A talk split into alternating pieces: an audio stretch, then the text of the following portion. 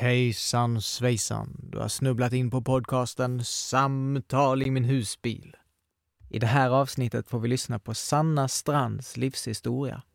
Vi får höra en historia om ett maskrosbarn som i tid och ålder får uppleva både misshandel och sexuella övergrepp. Ett barn som får lära sig att klara sig på egen hand då hennes mamma kunde försvinna under flera veckor. Ett barn som längtar efter att få bli älskad. Mitt och Sannas möte var ett plötsligt möte där vi båda anade att vi kanske hade förts samman av en högre kraft. Det fanns ett behov hos Sanna att få dela med sig av hennes historia, att inte längre leva i tystnad och skam. Och jag skulle få lära mig innebörden av att älska sig själv på riktigt.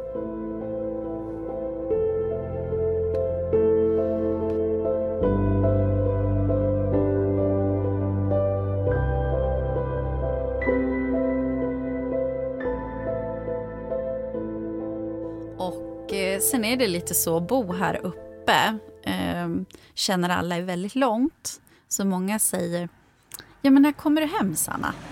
Ja, men ni kan komma hit och hälsa på. Men gud, det är så långt, säger de. Då säger jag, men tror ni att det är kortare väg för mig eller? Och vad är hem när de säger kommer du hem? Vart är det? hem är ju faktiskt Skåne. Okej, det, det är det. För att det hem, alltså när vi pratar i termerna hem så är det faktiskt när jag talar med mina bästa vänner Ola och Jill. Ja. ehm, som bor i Ljunghusen, precis vid kanalen. Gör de.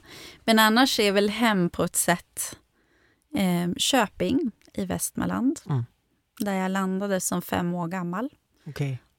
Och eh, lämnade Köping när jag skulle börja gymnasiet och flyttade hela vägen till Dalarna i Malung som är väl ungefär 32-34 mil Mm. från Köping. Men känner du dig redo för att berätta, berätta om ditt liv? Och, Absolut, det är jag. ska vi berätta först kanske att ehm, jag har stationerat min husbil i Arjeplog. Och jag kom hit för att jag såg att det var ett öppet AA-möte igår. Och jag är inte nykter alkoholist, men jag är förtjust i att gå på öppna AA-möten. För jag har märkt att det är en sån guldklimp. Man kan hitta många fina människor eh, som har gått igenom mycket tuffa eh, grejer och tagit sig ur det. Mycket spännande karaktärer. Så det finns ett intresse för min del att lyssna på människor men också förhoppning att hitta någon till podden. Eh, så, eh, men de ville inte, ingen av dem ville vara med. Men det var helt okej, det var så fint möte. Och så står jag här då i, i Arjeplog och du eh, kör förbi min husbil. Det stämmer. Jag kör förbi med kommunbilen faktiskt. Bara för typ tre timmar sedan. Ja, det Något sånt. stämmer. Och eh, tjusningen i det här är att jag hade sett ett inslag om dig och din husbil och den här resan som du ska göra. Och jag är själv på en resa. Mm. Så det var så fantastiskt när jag passerar med kommunbilen och skriker till de som sitter i bilen. Nej men där står den ju, husbilen! Va, vadå, säger min kollega. Va, vill du köpa en sån? Nej, det är han som reser runt, som pratar. Man blir inbjuden till husbilen. Det här måste jag göra. Ursäkta, jag har inte tid med er nu, sa jag. Sen kastade jag mig på telefonen Mm. och jag tänkte, vad är oddsen att jag ser dig för bara några dagar sedan? Mm. Och här sitter du uppe i mitt Norrbotten framför mig. Det är, det är otroligt. Tror man på ett litet högre väsen så, Ja. så är det här en av de tillfällena, känner jag. Ah, det är häftigt. Mm. Och jag sätter mig i husbilen för jag känner att nej men jag är färdig här nu. Jag eh, kör mot Jokkmokk. För det är en kille som har bjudit hem mig.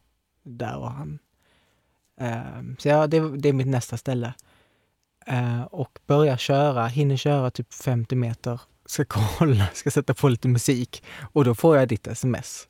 Så då stannar jag direkt och tänkte att ja, men jag stannar eh, en hel dag ifall eh, du skulle behöva tid.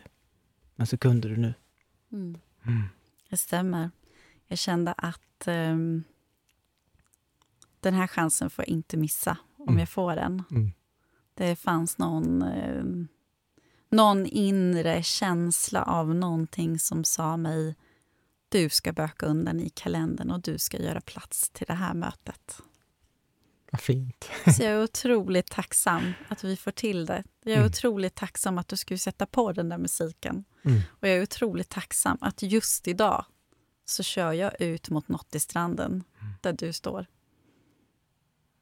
För du skulle visa några som kanske ska flytta hit. Mm.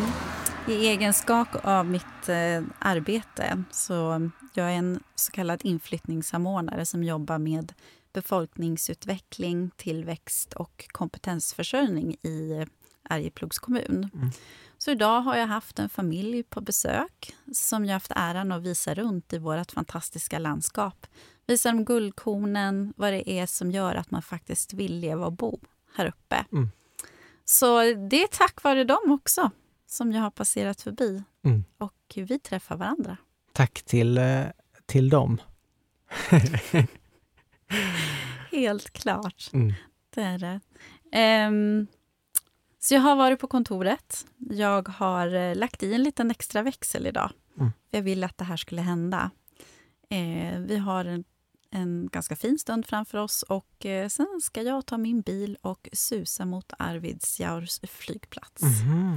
och hämta upp årets, eller mitt första besök någonsin som eh, fantastiskt nog kommer hela vägen från Skåne Mm. och Ljunghusen.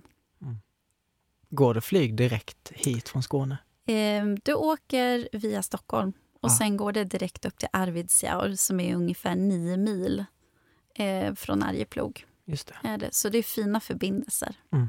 Så det är inte så långt bort från civilisationen som man kanske tror. Nej, eller hur? Okej, är- känner du dig redo att få berätta för mig om, eh, om ditt liv och ting som du har varit med om? Absolut, i allra högsta grad. För du skrev att du var ett eh, maskrosbarn. Det stämmer. Och jag har ju hört det uttrycket förut, men vissa ord har bara sådär gått över mitt huvud. Så jag har aldrig riktigt tänkt på, men vad betyder det? Mm. Eh, så jag googlade lite faktiskt. Och vad kom du fram till? Nej men eh, jag kom in på en hemsida och där stod det ju lite om, eh, om barn som har haft ganska tuffa uppväxter med kanske föräldrar som har haft alkoholism, problem med alkohol och droger och så. Det stämmer. Ehm, jag brukar tänka mig maskrosbarn om ni tänker en maskros som sprängs ur asfalten mot alla odds tränger sig igenom. Som faktiskt knoppar som till slut slår ut i blom. Mm. Och eh, sen når ett stadie var den liksom flyger iväg. Eh, maskrosbarn är robusta. Eh, det spelar ingen roll hur många gånger vi stukar själen så har vi en eller annan förmåga att kunna resa oss och där borsta av oss dammet, som någon sa till mig en gång och fortsätta kliva vidare i livet. Där det kanske någonstans vore mer naturligt att man kanske valde samma tråkiga öde som sina föräldrar med någon form för missbruk eller annat destruktivt beteende. För att begrava allt det här brutala som man har fått gått igenom. Mm. Eh, maskrosen är en väldigt stark symbol för mig. Eh, jag tog ett beslut om att eh, tatuera in en Mhm. på min vänstra underarm. Mm. Eh, för att den är på samma sida som hjärtat. Mm. Och istället för att göra stammen till maskrosen så har jag valt en text. Och det står Love yourself. Och det här är mitt starkaste budskap till mig själv varenda morgon. Att titta på det här och påminna mig om vikten av att älska mig själv. Mm. För det är ju det som händer när man blir ett maskrosbarn. Att man växer upp utan kärlek. Mm. Från sina föräldrar. Den viktigaste kärleken av dem alla. För att kunna kliva ut i livet.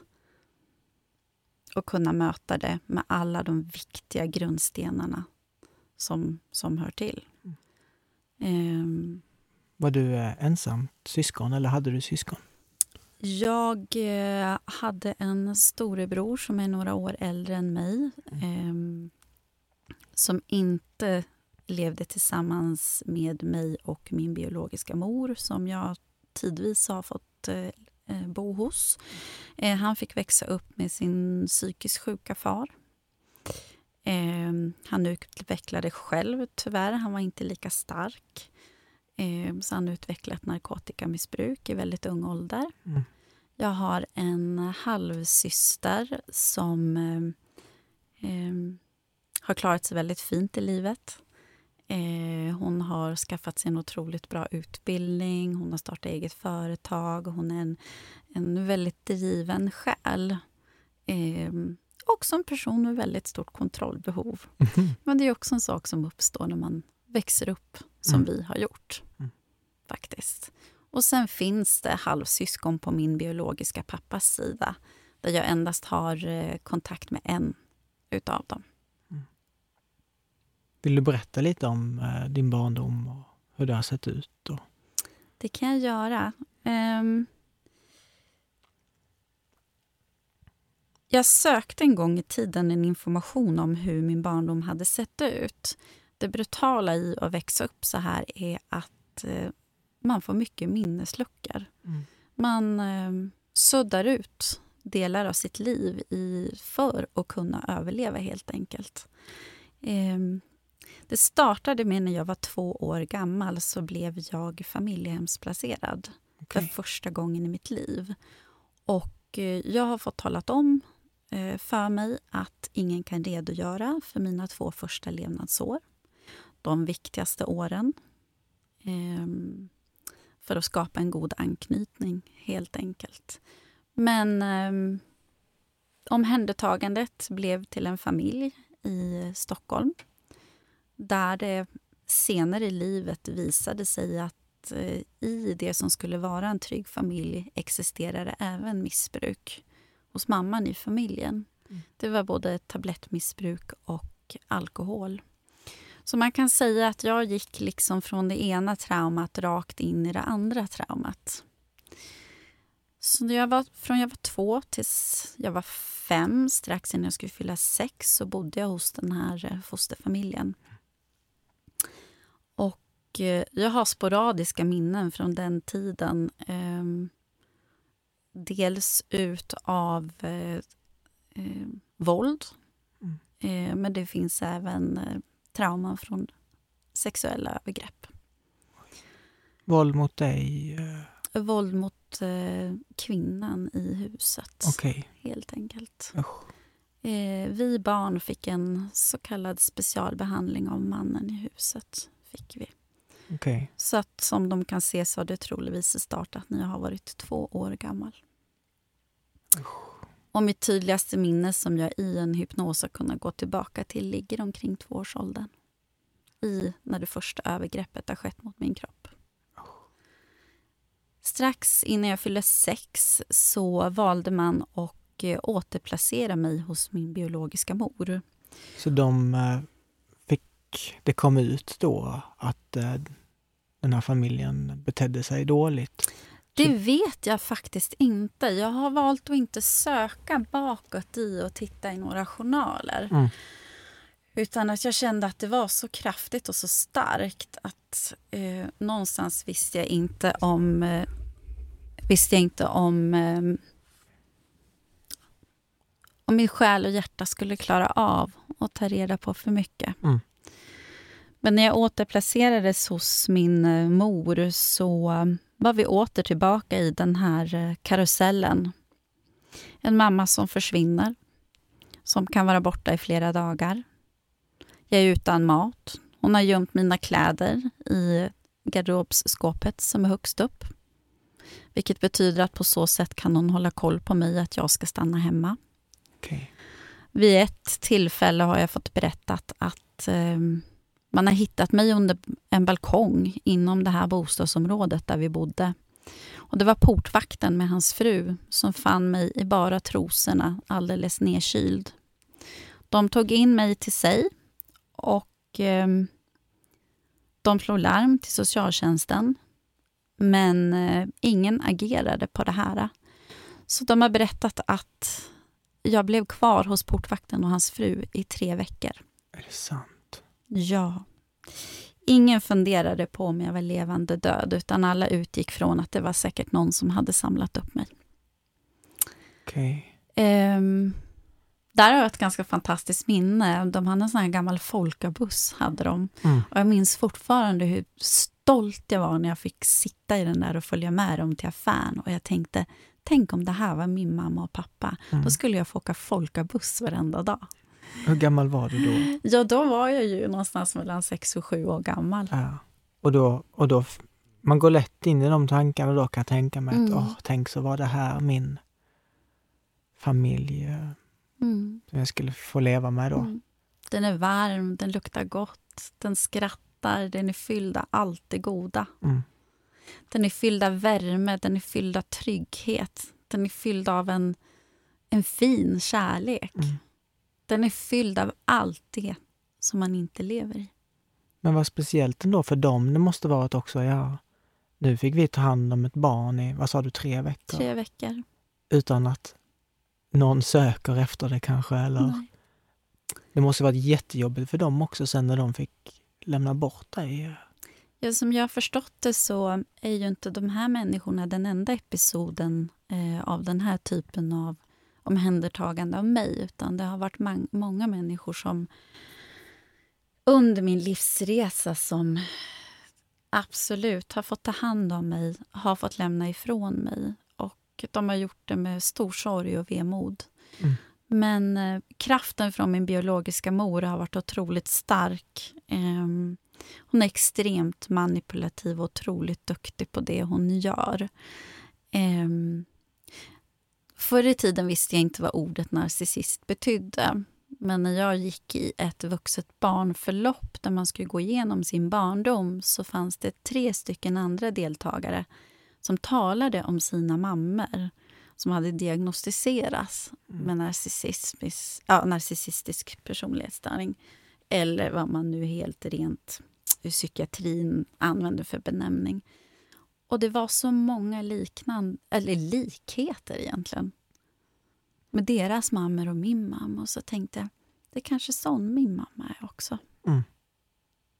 Men jag tänker att det är väl också upp till psykiatrin som har expertisen att ställa såna diagnoser. Men det var så mycket som stämde överens. Och eh, det har varit en väldigt utmaning för alla och som jag förstått i efterhand i vuxen ålder, även för mina, min mammas egna systrar som har gått en ganska kraftig kamp för att få mig omhändertagen. Okej, de har kämpat för det De också. har kämpat för mig. Eh, Det fanns en tidsperiod jag inte visste om det. Så Mm. jag var ganska arg på dem. Mm. Men så kom det fram att de har verkligen slagits för att jag ska bli omhändertagen. Och de sa att inte ens när det har varit riktigt illa att man har velat lyssna. Ehm, och det där är en stor sorg för att och hela tiden se till vuxenperspektivet och inte barnperspektivet. Det tycker jag är under all kritik. Mm. Och det handlar ofta om, eller som jag upplevde det som barn, det är min upplevelse, det var ju att mammas känslor kom först, mina kom sen. Mina räknades aldrig. Och det spelar ingen roll vilka situationer vi stod i. Om det var jag som stod och eh, höll för hennes, ett, klämde på handleden och hon har sprättat upp den med en gammal ölkapsyl. Så har du Och- hon har sprättat upp Sprättat upp handleden. sin egen. Ja, sin egen. Mm. Trots att det var jag som stod och höll i den för att stoppa blodet. Mm. Och ambulansen kommer på plats. Inte ens där ingriper man. Mm. Eller när man får ge sig in och eh, leta efter henne i smutsiga lägenheter när hon har varit borta flera veckor. Man har varit ensam hemma. Man har ätit det sista lilla dammkornet ur skafferiet. Mm. Ehm, Så du fick fixa din egen mat eh, under de här perioderna? ja, och man lärde ju sig ganska snabbt att bli en överlevare Mm. genom att man alltid, ofta och många gånger såg till att få gå hem med en skolkamrat också för att kunna äta sig mätt. Just det. Var det, förstod man som barn att det här var en väldigt dysfunktionell familj du var i? Eller tänkte du att det var så det var? Man lär ju sig ganska snabbt som maskrosbarn att titta på sin omgivning. Mm. Och man lär sig att plocka upp på det här, vad är normalt och inte. Tänka. Det blir ett litet sånt svartvitt tänk. Där blir det ju så att man jämför ju sin egen situation med andra och jag insåg ju ganska snabbt att det jag lever i är ju inte det normala. Mm. Sen är det ju så att du har ju även en omgivning som också står utanför och tittar liksom in. Och eh, där kan jag ju känna en stor sorg ändå att det inte var fler starka vuxna runt omkring mig som verkligen gemensamt satte ner foten mm. och sa nej till det här livet som, som jag tvingades till att leva i. Ja, helt enkelt. Eller hur? Det har funnits en, en um, sorg, har det funnits, en väldigt kraftig sorg. Um, det har funnits en bitterhet. Jag har varit arg. Jag har um, ibland känt att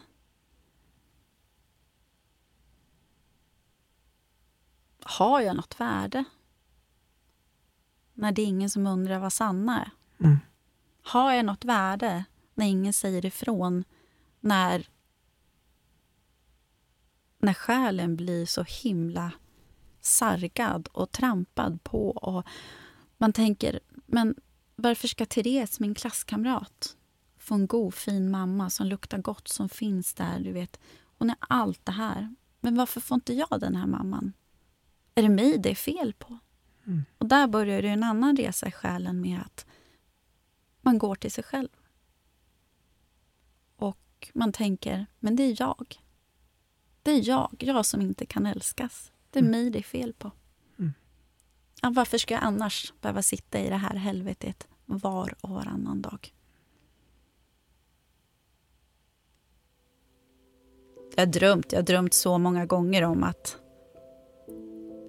jag blundar, stänger ögonen och jag ser det här röda huset på landet med vita knutar. Det är varmt, det är ombonat. Det doftar av bullar. Det finns en kökssoffa full med kuddar. Mm. Det finns en tjock katt. Det finns en hund. Det finns pelargoner i fönstret. Och i den där kökssoffan sitter jag med en sån värme runt omkring mig att det är absolut ingenting dåligt som kan nå mig. Mm. Den där kökssoffan har jag flytt till många gånger i mitt liv. Har jag. Och sen vaknar man upp och så inser man att man står på alla fyra och torkar en spya åt sin egen mamma.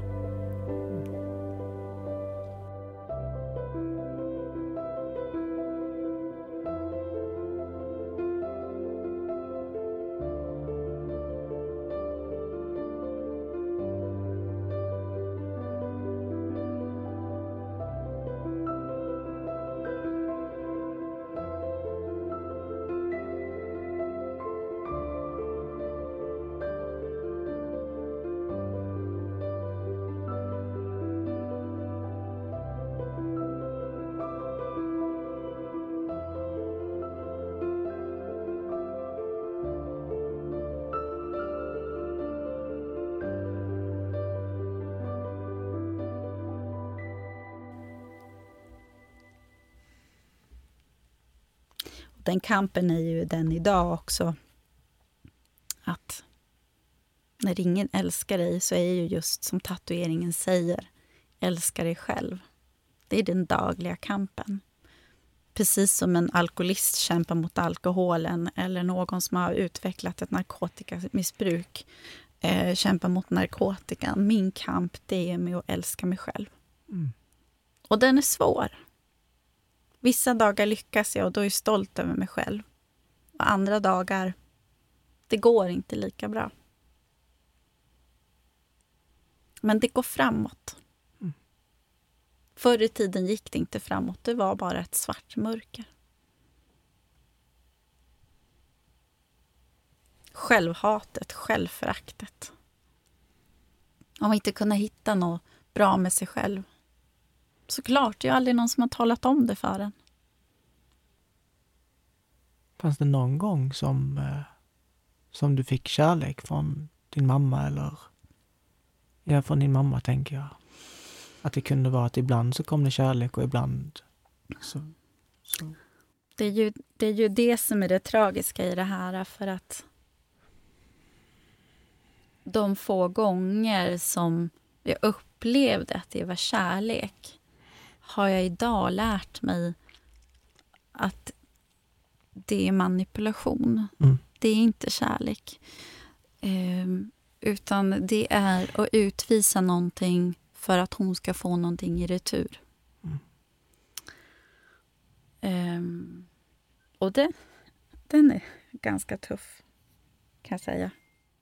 Men jag har fått kärlek, det har jag. Jag har... Um, efter en misslyckad charterresa till Mallorca där min mamma drack sig jättefull och misshandlade mig på flygplatsen när vi landade. Och vi blev separerade, åtskilda.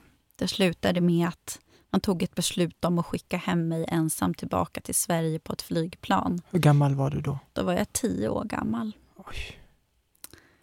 Och eh, jag minns fortfarande flygvärdinnorna och flygvärdarna. Och jag fick sitta längst bak och fick en hel påse med godis när jag skulle kliva av. Och då minns jag att det var en av de få gångerna man insåg allvaret i den situationen jag levde i. Och eh, fick faktiskt en eh, sommarfamilj.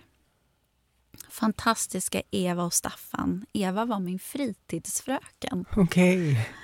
Och eh, en av dem som jag tydde mig till ganska mycket på fritids också. Mm. Så jag fick åka ut till henne och Staffan. De hade en dotter Um, och vi åkte på en semester, min första riktiga semester som barn. Vi åkte och campade. Uh, vi får runt i Sverige. Jag minns hur vi spelade badminton bland annat. Det var helt underbart. Mm. Och Eva och Staffan hade faktiskt ett rött hus med vita knutar. Mm. Såklart. Där hade du den, den drömmen. Du fick komma till den då ja, på sommaren. Jag fick det.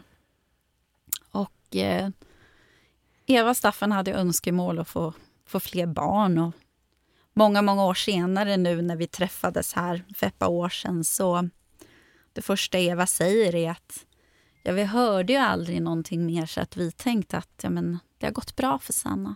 Hon fick det bra till slut. Mm. Och då tittade jag på Eva och så sa jag att det blev värre än någonsin efter jag har varit hos er. Och Eva bröt ihop. Mm och sa Tänk om vi hade vetat. Om vi hade vetat, Sanna. Så skulle vi ha kämpat för att du skulle få vara här. Mm. Men jag sa till Eva också att hur tappert ni än hade kämpat så skulle min mamma aldrig ha släppt mig. För jag var hennes bränsle. Mm. Och jag är den hon har livnärt sig på. Inte min storebror, inte min lilla syster. Det är jag. Där fick jag känna kärlek. Jag fick känna mig omtyckt. Jag fick vara barn, framför allt. Barn, ett bekymmerslöst barn. Var det en sommar du fick vara där? En sommar. Mm. Och vad var det som fick då socialen eller vad det var att, att tro att men det behövs inte längre eller? Det måste ju, efter så många gånger som det hade mm uppmärksammats? Um, min biologiska mamma inledde en relation med en man. Um, jag har en, min lilla syster, min halvsyster är ett halvt år yng, eller ett halvt, säga, åtta år yngre än mig. Mm. Och hon började ju missbruka ganska kort efter att hon var född. Och um, så blev det ju två år senare efter hon var född som jag hamnade hos den här sommarfamiljen. Um, men sen för att min lilla syster fanns där i bilden, att hon hade den här sambon så att säga, så var det lite som att man tyckte det var okej okay att slussa tillbaka mig igen. Mm. Och den här mannen är inte en bra man. den här mannen är en man som inte såg mig som ett barn. Mm. Och jag har i efterhand fått höra av andra att ibland kändes det som att ni var ett par. Mm. Den här mannen är en stor orsak också till mitt kroppsliga självhat. Som har fört mig ut i ätstörningar.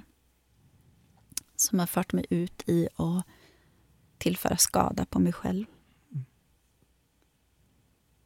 För att minnena är så brutalt starka mellan varven att jag känner fysiskt hur han tar på mig. Jag fick leva där en ganska lång åräcka. Eh, men jag valde att stanna för att jag hade en lilla syster. Just det.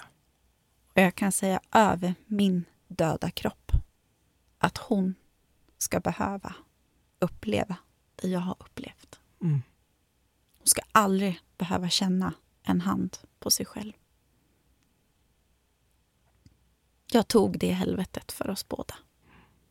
Jag minns fortfarande hur han lägger en hand på rumpan och stryker och säger Kolla vilken fin rundning du har. Och sen kläcker han ur sig efteråt och ser på dina bröst och dina bröstvårtor. De är som fem kronor. Den kvällen gick jag in på toaletten och hade med mig en kniv och sen så skar jag mig över brösten. Jag slutade gå i åtsittande kläder. Och det här hänger kvar än idag. När minnena bubblar upp till ytan, då vet man. För då kom jag i otroligt säckiga kläder. Jag vill inte att min kropp ska vara synlig för någon. Mm. Och de där smekningarna fick jag leva med. I olika former. Hur han verbalt har uttryckt sig över min kropp. Jag minns en gång vi satt vid köksbordet och så var jag kring 15 där och så tittar han på mig och så säger han så här. Hur vill du bli tagen? Jag blev ganska bra på att stänga av under de här åren. Stänga av och stänga ner. Inte känna. Bara existera. Hade du vänner du kunde berätta sådana här saker för? Jag minns inte om jag har sagt någonting. Mm. Någonstans i allt det där, vem ska man tala om det för? Mm. När man känner sig så brutalt smutsig. Det var väldigt ensamt var det. Jag tror redan där att jag utvecklade någonting. Han tog med mig till Kanarieöarna, till Lanzarote. Och jag minns hur jag planerade för hur jag skulle kunna värja mig från honom. Var det bara ni två som åkte dit? Ja, Okej. Var du tvungen att följa med eller? Du minns inte? det minns jag inte. Mm. Det är en dubbelsäng. Och jag minns hur han kryper upp bakom mig och som ska skeda och trycker sig och ska börja ta på mig. Någonstans där tror jag bara att jag har gått in i någon något förlamat tillstånd.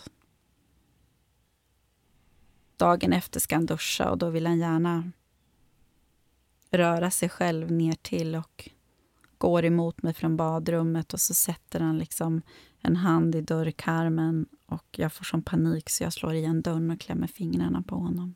Oj. Sen lät han mig vara resten av veckan. Det sjuka i allt är att jag tog studenten det första jag gjorde var att flyga till Lanzarote och börja jobba. Och jag vet inte om det är mitt trauma sån undermedvetet som gjorde det valet. Mm. Att jag kanske behövde något slags uppgör med platsen. Han slutade efter eh, att du klämde hans fingrar i dörren? Nej. Men han slutade inte efter det? Min eh, räddning blev att jag eh, började gymnasiet på annan ort, Okej. i Malung. Som ju är över 30 mil bort från Köping. Mm. Samtidigt var det en svår period att gå gymnasiet också för att då kunde man ju ta kontakt med mig och säga att Sanna, vi, vi har inte sett din mamma på två veckor. Mm. Och då visste jag att då var det bara att packa den där 50 liters Everest-ryggsäcken som jag så stolt hade köpt. Och så fick jag sätta mig på rälsbussen och så ta tåget ner mot Köping. Och sen var det bara att kavla ärmarna och så gå ut och leta efter henne i de här alkis och knarkkvartarna. Vid ett tillfälle hittade jag henne.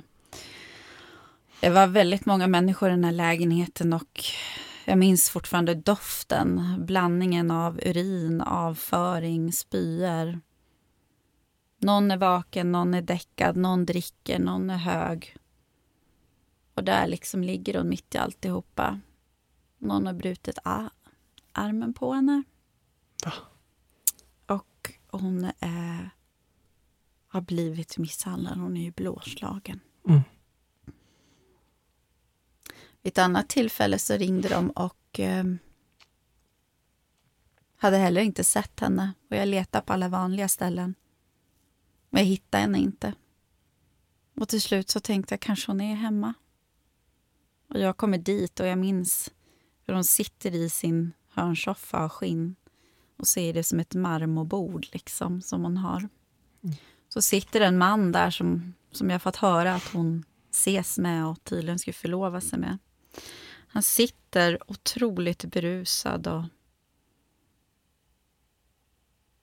jag går in, hittar min mamma på balkongen och ser på henne att någonting är fel. Går in i vardagsrummet tillbaka till den här mannen och frågar henne vad hon har tagit. Och Då tittar han upp på mig och så skrattar han. Han verkligen hånskrattar mig i ansiktet.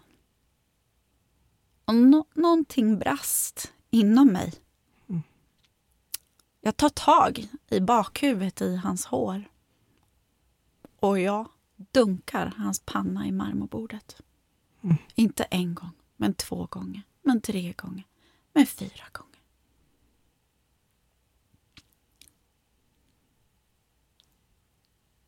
Och sen får jag söka hjälp för att skaffa en ambulans åt min biologiska mamma. Som enligt läkarna kom in i något av sista sekund. Mm. Hon blev kvar på intensivavdelningen en ganska bra stund. blev hon.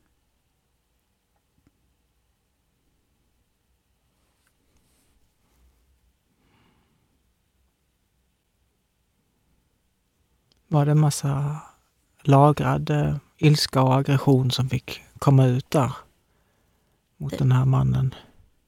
Det var det. Någonstans kommer män som han alltid finnas omkring människor som, som min biologiska mamma. Mm. De dras ju till varandra. Mm. Um, Hur kändes det i dig att få släppa ut dem, den här aggressionen och ilskan?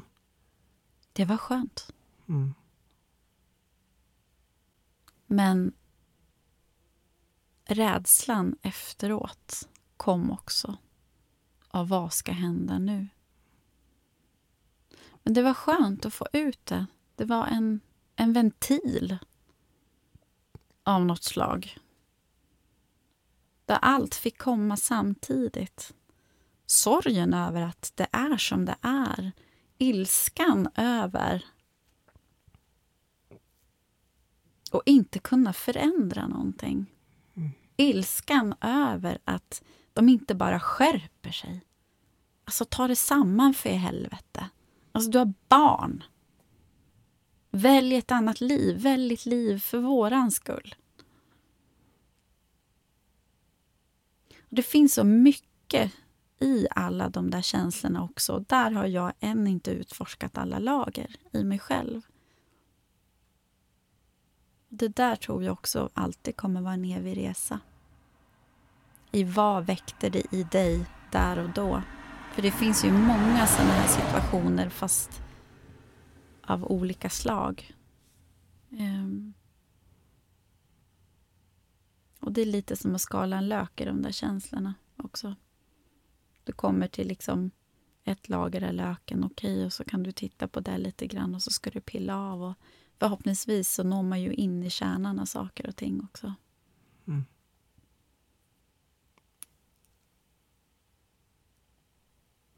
Hur blev det för uh, din lilla syster? Hon... Uh, fick växa upp till stor del med sin biologiska farmor och farfar. Okay. Fick hon göra. Så hon har haft ett fantastiskt stöd där. Mm. Eh, hen, min, biolog, eller min halvsysters farfar blev en ganska trygg punkt för mig också. Mm. För när jag blev tonåring så var han den enda som såg mig och som bekräftade på att jag existerade. Mm. Som var min trygghet i allt kaoset och han var en av de få som inte vek sig för våran mamma.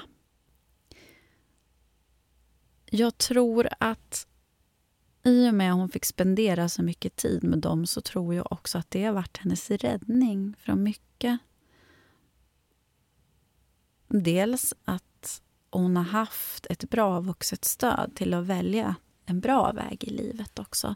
För de säger det att det är ju oftast någon människa som, som dyker upp i ditt liv som maskrosbarn, som blir din förebild, som ger dig liksom eh, ljuset framför dig liksom till och, eh, och gå emot i det här satans mörkret man lever i. Mm. Och där har ju min lilla syster sin största förebild i sin farmor. Som, eh, som alltid har gjutit mod och styrka i henne och alltid funnits där för henne och gett henne villkorslös kärlek. Har hon. hon har faktiskt också tatuerat in sin farmors namn på armen. Så det ska Eila göra. Hon har tyvärr lämnat oss idag, vilket jag vet är en stor förlust för min lilla syster. Men hon har växt till en stark, ung, fin, målmedveten kvinna. Mm. Jag är stolt över henne. Verkligen. Och våran bror, det är, det är svårt att säga. Jag tror han är en av dem som blöder så kraftigt inombords att, att det är därför att han gör de valen han gör och, och använder narkotika för att bedöva det här, den här smärtan som finns inuti. Och jag hoppas att han en dag vaknar upp och faktiskt kan omfamna sig själv.